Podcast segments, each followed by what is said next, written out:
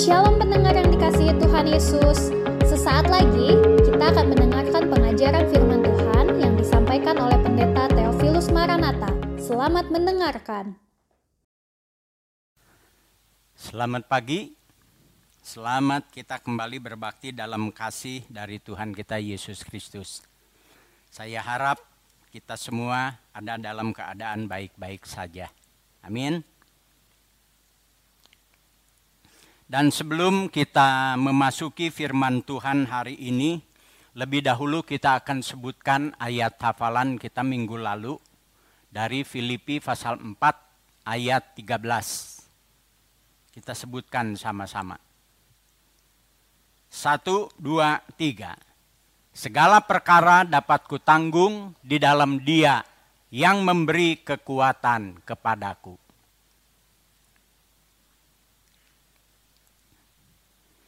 Sesuai ayat hafalan ini, saya juga berharap apa pun yang terjadi di dalam kehidupan saudara dan saya, kita bisa menghadapinya. Kenapa? Sebab Tuhan selalu akan memberi kekuatan kepada kita.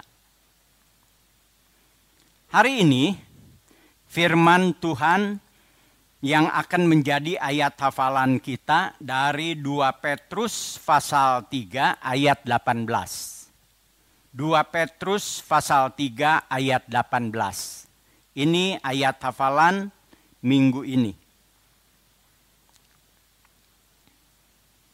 Kita akan membaca ayat ini bersama-sama. 2 Petrus 3 ayat 18.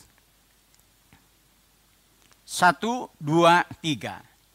Tetapi bertumbuhlah dalam kasih karunia dan dalam pengenalan akan Tuhan dan Juru Selamat kita, Yesus Kristus. Baginya kemuliaan sekarang dan sampai selama-lamanya. Tema firman Tuhan hari ini, bertumbuhlah dalam Tuhan ayatnya tadi berkata, tetapi bertumbuhlah dalam kasih karunia dan dalam pengenalan akan Tuhan dan juru selamat kita. Saya persingkat dengan bertumbuhlah dalam Tuhan. Kalau ayat ini berkata bertumbuhlah dalam kasih karunia dan dalam pengenalan akan Tuhan dan juru selamat kita. Ini berarti kita harus bertumbuh dalam Tuhan. Amin. Katakan bersama saya, kita harus bertumbuh. Sekali lagi, kita harus bertumbuh.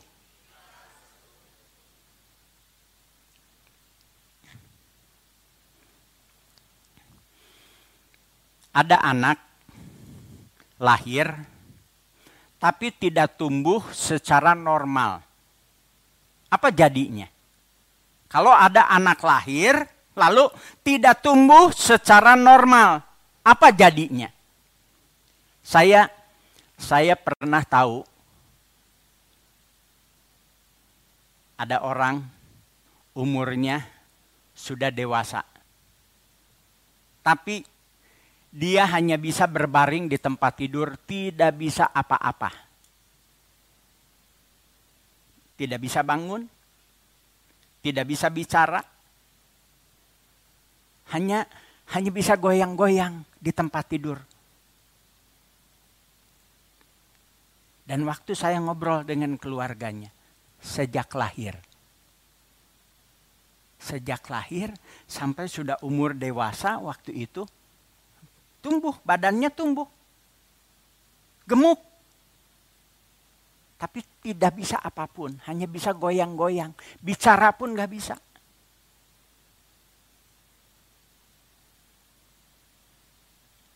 Saya pernah tahu orang yang seperti itu dua.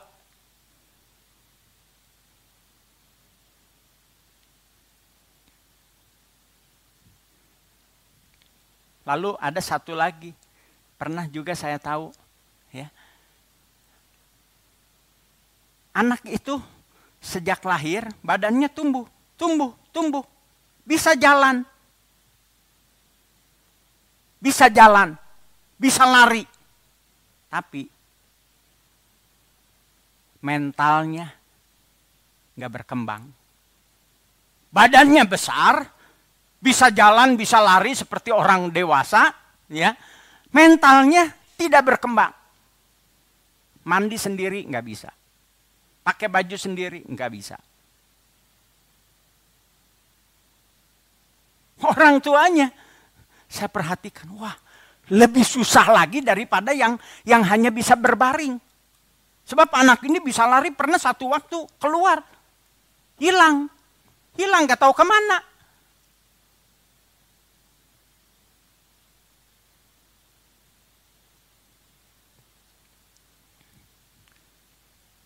Dulu waktu anak itu lahir, pasti membahagiakan orang tua. Tapi sekarang, waktu keadaannya seperti itu, hanya bisa berbaring goyang-goyang saja. Gak bisa apa pun. Oh jelas itu menduka citakan. Menyedihkan orang tuanya. Mengapa? Sebab tidak bertumbuh secara normal.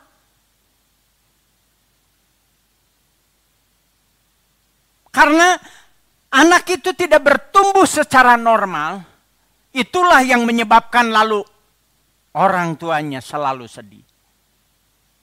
Melihat anak itu, memikirkan anak itu, hatinya berduka cita.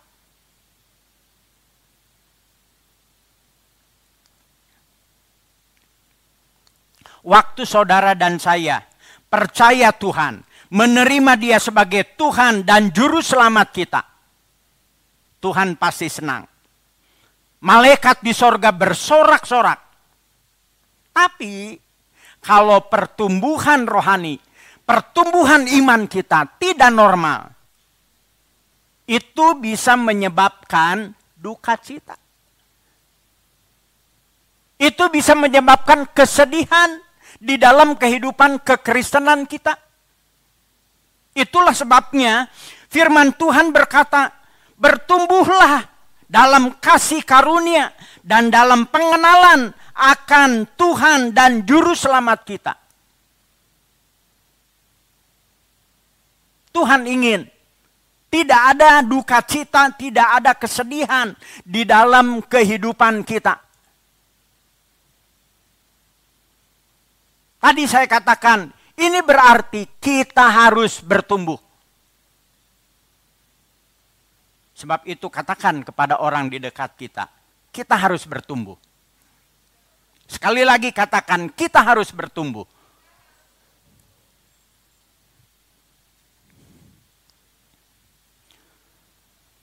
Menurut saudara, kira-kira iman saudara sekarang dengan 10 tahun yang lalu bagaimana?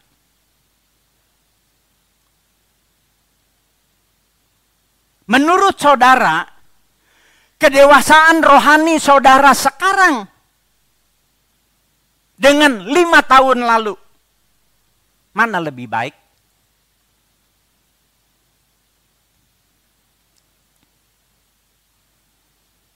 beberapa orang merasa bangga, merasa puas dengan dulu saya rajin. Dulu saya aktif di dalam Tuhan. Dulu saya begini begitu saya melakukan segala di dalam pekerjaan Tuhan. Tapi semuanya dulu pertanyaan yang pentingnya bagaimana sekarang?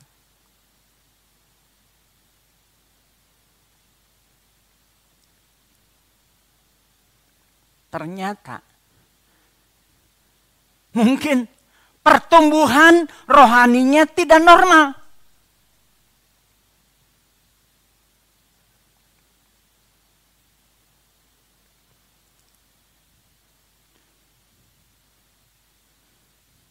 pokok bahasan kita yang pertama dari firman Tuhan hari ini adalah mengapa harus bertumbuh. Mengapa harus bertumbuh?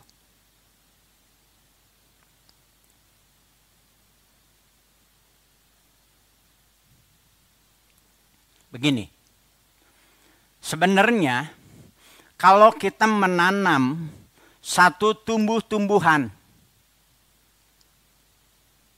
sekarang lebih dari kemarin, besok lebih dari hari ini, minggu depan tumbuhan itu lebih dari minggu ini, dan seterusnya.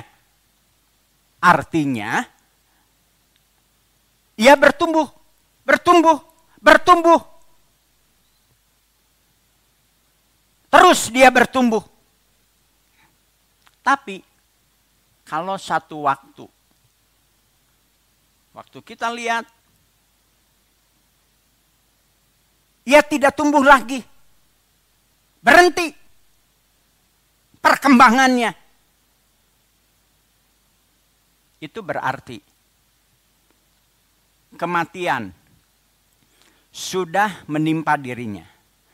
Sudah mulai menimpa dirinya. Roh kematian. Sebab sesudah tumbuhan itu tidak bertumbuh lagi. Maka mulai saat itu ia akan berkurang, berkurang, berkurang, berkurang itu begitu.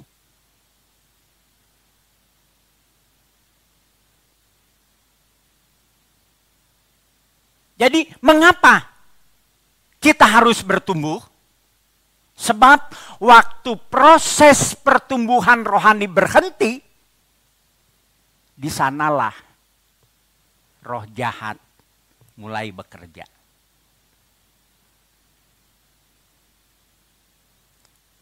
roh jahat dengan segala tipu dayanya mulai mengganggu kita. Dan biasanya yang pertama-tama dia ganggu. Pertama-tama yang dia coba tanamkan di dalam hati kita adalah kebimbangan.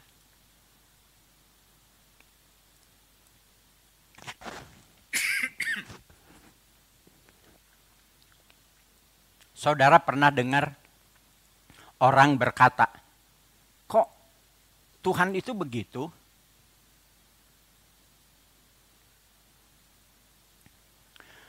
Tuhan itu baik atau tidak? Tuhan itu baik atau tidak? Baik. Ya. Kita tahu Tuhan baik. Waktu Yusuf dimasukkan ke dalam penjara. Tuhan baik tidak? Baik. Ya, baik. Tapi orang yang pertumbuhan rohaninya mulai berhenti, ia akan berkata, aduh Tuhan gak baik. Buktinya saya begini.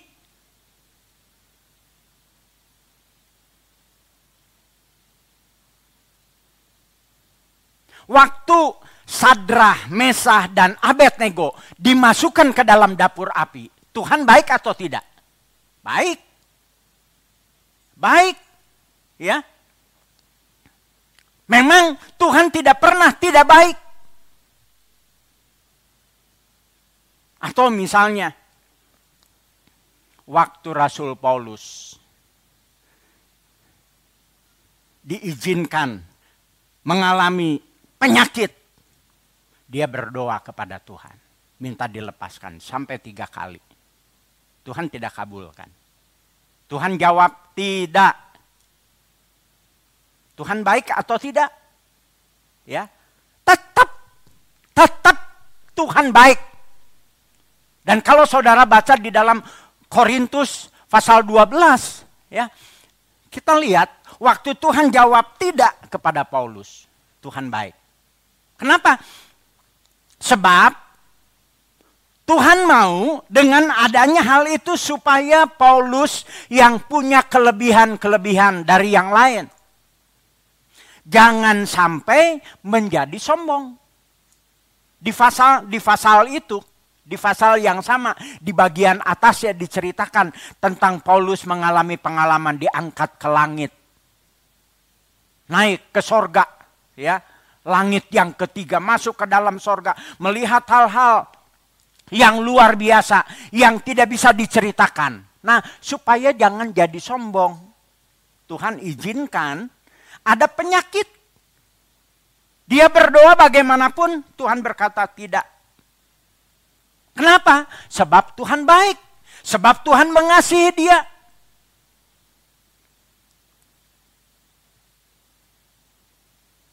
Pertanyaan saya sekarang, kapan Tuhan tidak baik?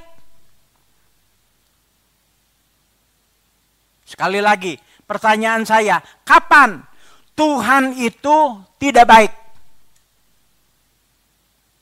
Kapan? Sekali lagi saya tanya, kapan Tuhan itu tidak baik? Tidak pernah. Tidak pernah. Yakinlah Tuhan tidak pernah tidak baik. Tapi ya, kita merasa Tuhan itu tidak baik waktu kita berhenti bertumbuh. Seseorang akan merasa Tuhan itu tidak baik waktu dia berhenti bertumbuh di dalam Tuhan.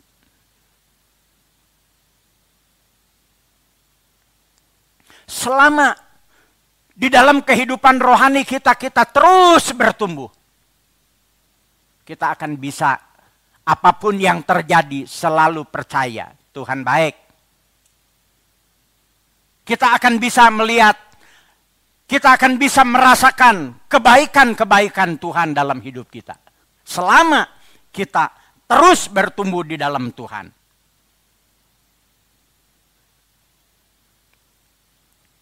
Itulah sebabnya sebagai orang percaya seharusnya kehidupan kita bertumbuh, bertumbuh, bertumbuh, bertumbuh, terus bertumbuh di dalam Tuhan.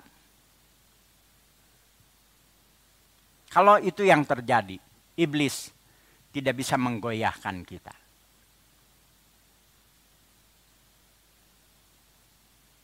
selama kita bertumbuh di dalam Tuhan.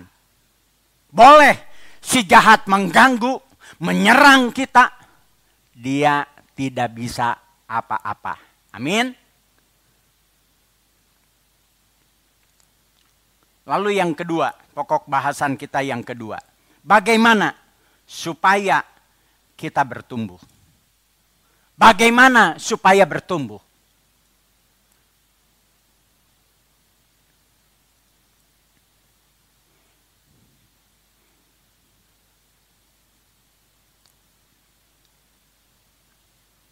Bagaimana supaya anak kita bertumbuh? Anak kita supaya bertumbuh, dia harus diisi makanan, diisi minuman, bahkan bukan hanya itu, otaknya juga harus diisi. Karena itu kita sekolahkan. Kita suruh les ini, les itu dan lain sebagainya. Lalu kalau kita lihat anak itu membaca buku-buku yang tidak baik, kita larang. Kita melihat anak itu bergaul dengan anak-anak nggak benar, kita larang. Nonton tontonan-tontonan yang tidak baik, kita larang. Kenapa? Supaya hidupnya jangan salah. Mereka perlu itu. Sehingga dengan begitu pertumbuhannya bisa normal. Nah, begitu juga dengan kehidupan kita. Supaya bertumbuh harus diisi. Kita harus diisi. Tidak ada cara lain. Kalau kita mau bertumbuh, kita harus diisi. Tidak ada cara lain. Katakan bersama saya, kita harus diisi. Kita harus diisi. Tidak ada cara lain.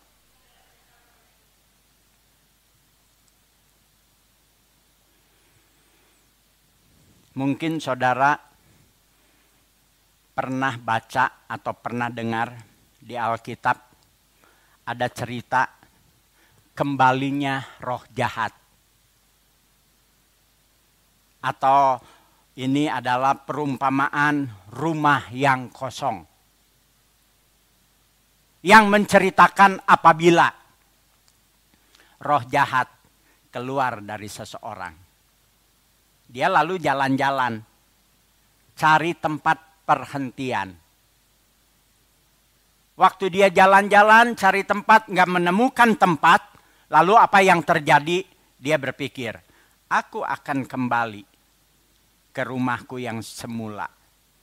Lalu dia kembali. Waktu dia sampai di sana, dia dapati rumah itu sudah bersih, tersapu, tapi kosong. Lalu apa yang terjadi? Dia pergi lagi, panggil tujuh temannya yang lebih jahat. Masuk ke rumah itu Dan firman Tuhan berkata, dengan begitu orang itu menjadi lebih buruk dari semula. Lebih jahat dari semula. Kenapa? Sebab sekarang yang masuknya tambah tujuh roh lain yang lebih jahat. Kenapa itu terjadi?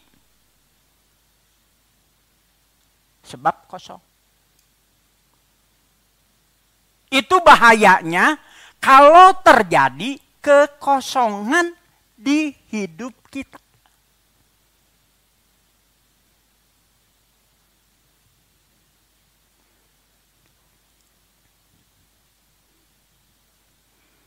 Ada rumah-rumah yang kosong. Yang biasa kita dengar kalau rumah-rumah kosong, apa yang terjadi di sana? Ada hantu. Ada hantu. Itu itu itu sudah umum. Kalau kita dengar ada rumah yang kosong, tidak terawat, hantu di sana. Belum belum terlalu lama ya beberapa waktu yang lalu saya juga dengar ada rumah yang dulunya dipakai ya selama dipakai nggak ada masalah nggak ada apa-apa lalu sempat dibiarkan kosong beberapa tahun kosong penghuni berikutnya cerita banyak setannya.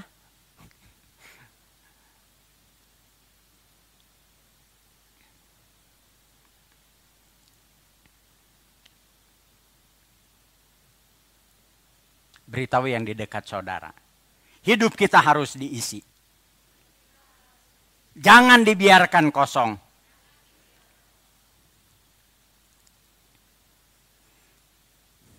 Jadi kalau kita menerima Tuhan Yesus sebagai Tuhan dan Juru Selamat kita, kita harus bersedia ikut di dalam proses pertumbuhan.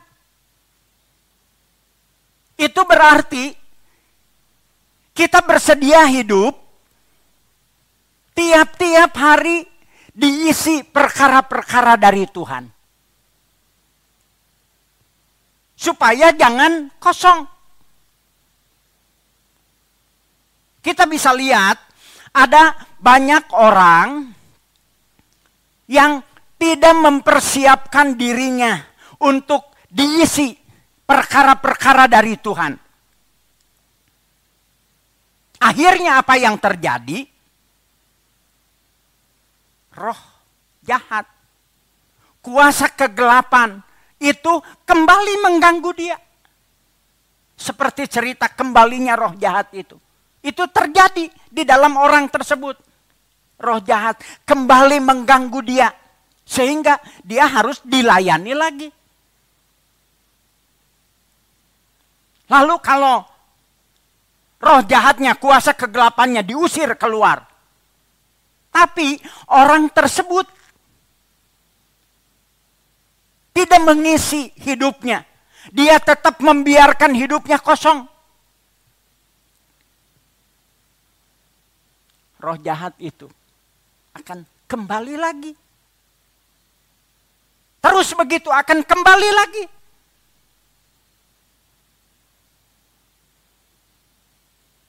Diusir keluar. Orang itu membiarkan dirinya kosong. Balik lagi. Sehingga ya tidak ada pilihan lain bagi kita kalau kita ingin menikmati kehidupan yang baik sebagai orang percaya tidak ada pilihan lain bagi kita tidak ada jalan lain tidak ada jalan pintas hidup kita ini harus diisi hal-hal dari Tuhan kalau hidup kita diisi hal-hal dari Tuhan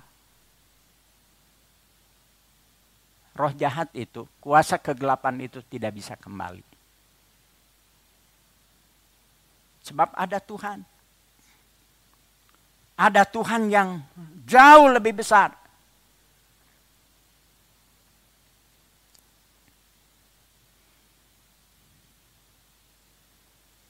Apa yang perlu mengisi hidup kita? Kita perlu diisi firman Tuhan.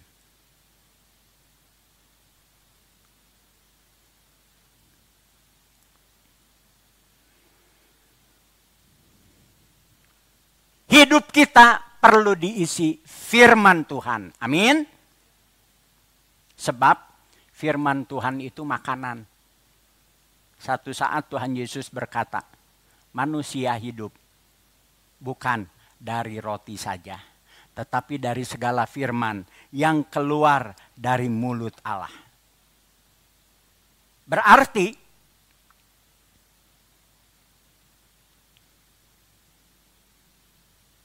saudara dan saya bisa hidup, bisa bertumbuh, bisa menjadi kuat, bisa menjadi dewasa di dalam Tuhan. Itu bukan oleh hal-hal lain, tetapi oleh segala firman yang keluar dari mulut Allah. Atau dengan kata lain, kalau kita selalu mengisi hidup kita dengan firman Tuhan barulah kita bisa menjadi orang percaya yang hidup, yang bertumbuh, yang kuat, yang dewasa di dalam Tuhan.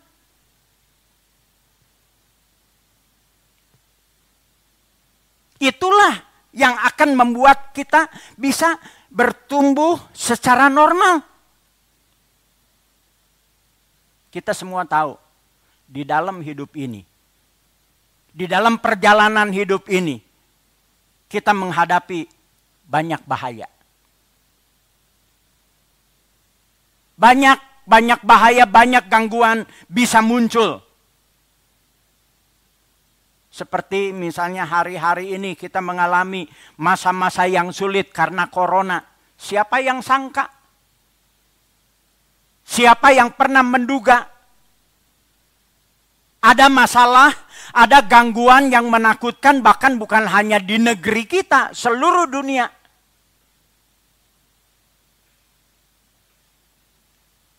Banyak orang yang karena keadaan sekarang tadinya punya punya rencana yang bagus-bagus. Harapan yang indah-indah untuk bisnisnya misalnya punya harapan yang luar biasa. Tahu-tahu sama sekali di luar perkiraan. Semuanya hancur. Rontok.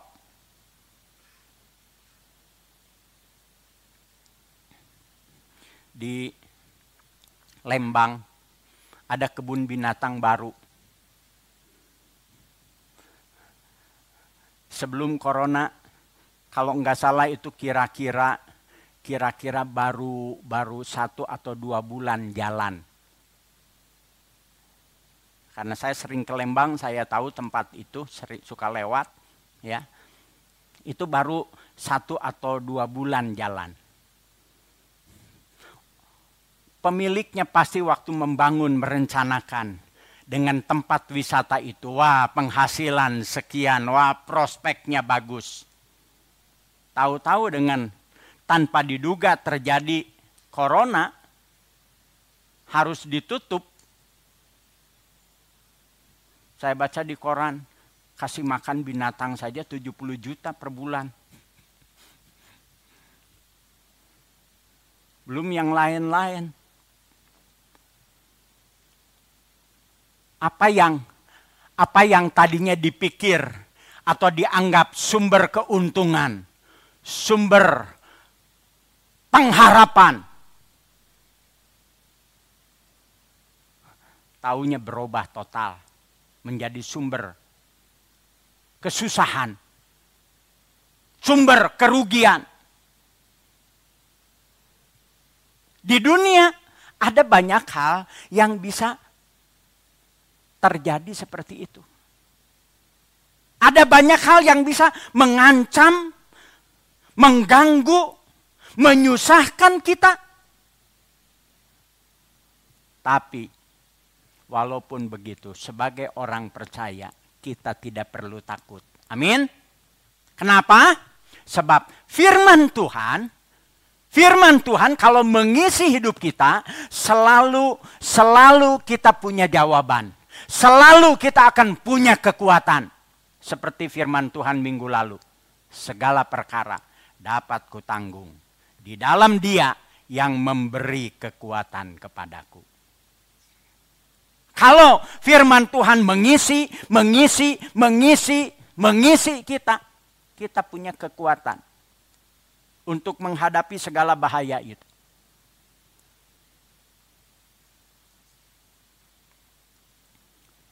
Saudara suka enggak kalau anak-anak kita mencintai Tuhan?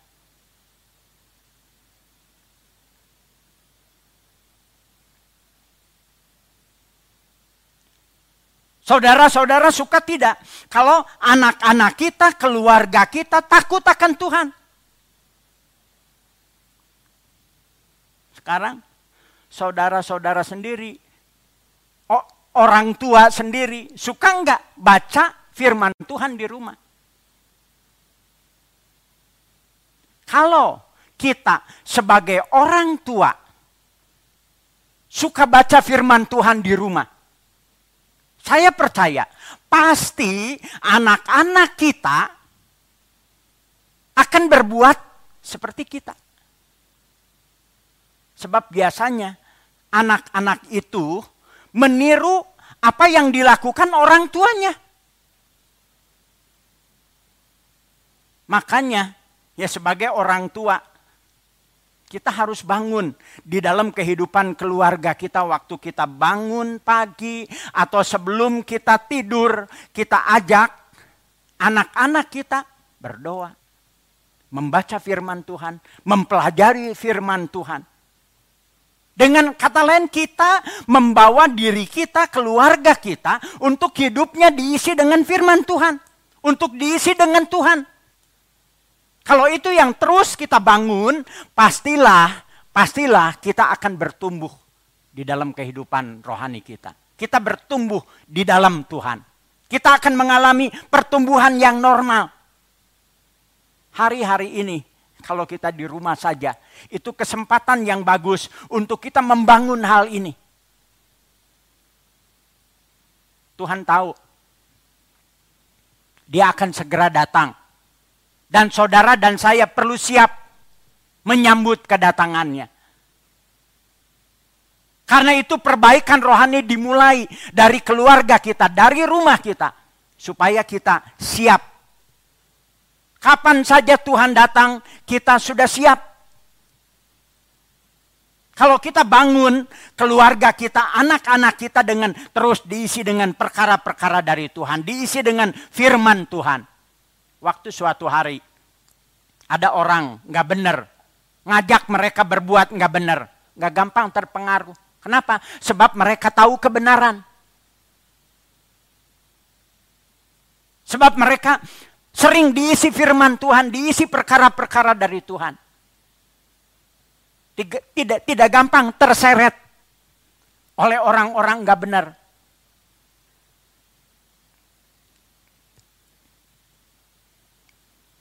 Jadi kita keluarga kita harus terus terus terus diisi firman Tuhan. Harus begitu. Kalau mau tumbuh harus begitu.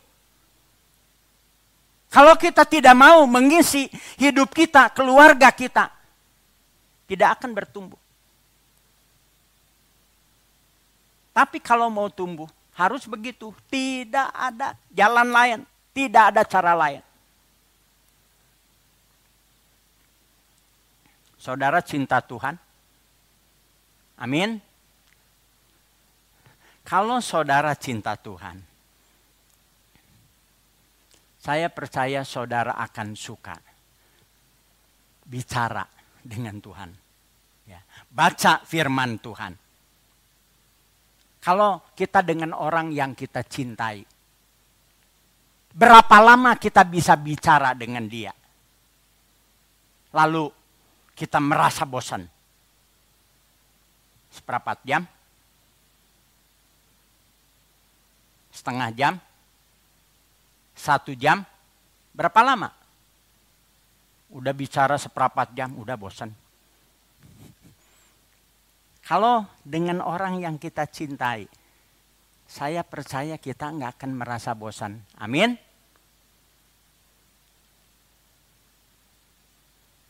Kita akan senang, kita akan suka berbicara dengan dia.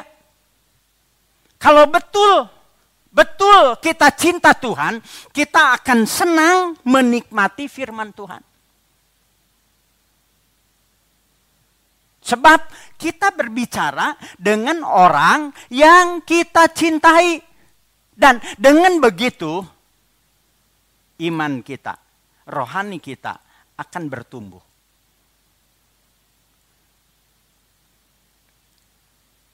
Mengapa? Ada banyak orang tua tidak bisa berbuat apa-apa kepada anak-anaknya. Sebab sudah terlambat.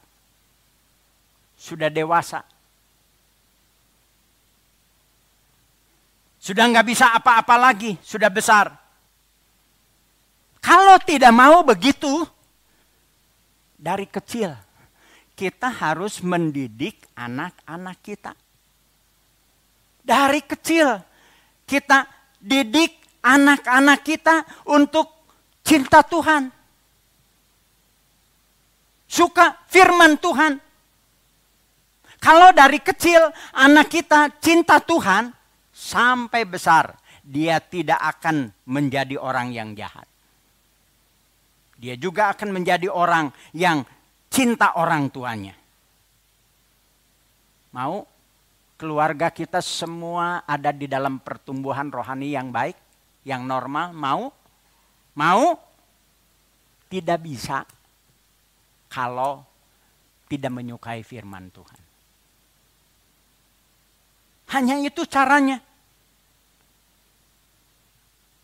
Sebab firman Tuhanlah yang menjadi hidup kita, masa depan anak-anak kita, penghiburan bagi anak-anak kita, kekuatan bagi mereka, dan lain-lain. Firman Tuhan memberikan segala jawaban untuk masalah kita. Saya baca sebagai bagian terakhir satu ayat dari Mazmur pasal 1 ayat 2 dan 3. Berbunyi demikian. Tetapi yang kesukaannya ialah Torah Tuhan. Dan yang merenungkan Torat itu siang dan malam.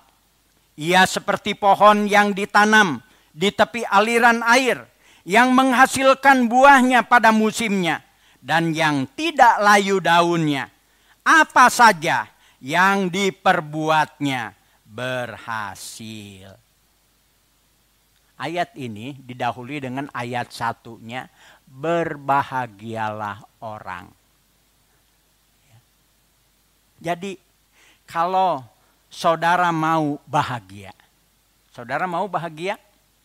Saudara mau keluarga saudara bahagia? Nah ini jalannya. Kita harus menyukai firman Tuhan. Waktu kita menyukai firman Tuhan, dikatakan Iya, seperti pohon. Orang itu akan seperti pohon yang ditanam di tepi aliran air, yang menghasilkan buahnya pada musimnya, dan yang tidak layu daunnya. Apa saja yang diperbuatnya berhasil. Saudara, kasihan kepada anak-anak saudara.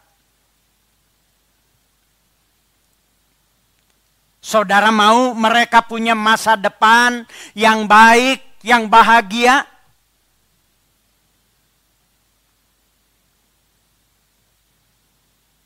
Tidak ada cara lain. Ya, bahwa supaya mereka menyukai Tuhan, menyukai firman Tuhan. Tidak ada pertumbuhan rohani tanpa firman Tuhan. Tidak ada. Kalau kita betul cinta Tuhan, kita akan suka firman Tuhan. Kalau kita suka firman Tuhan, pasti pertumbuhan rohani kita akan berjalan dengan normal. Pasti kita akan berbahagia di dalam hidup ini. Boleh masalah datang, kita akan tetap kuat. Amin.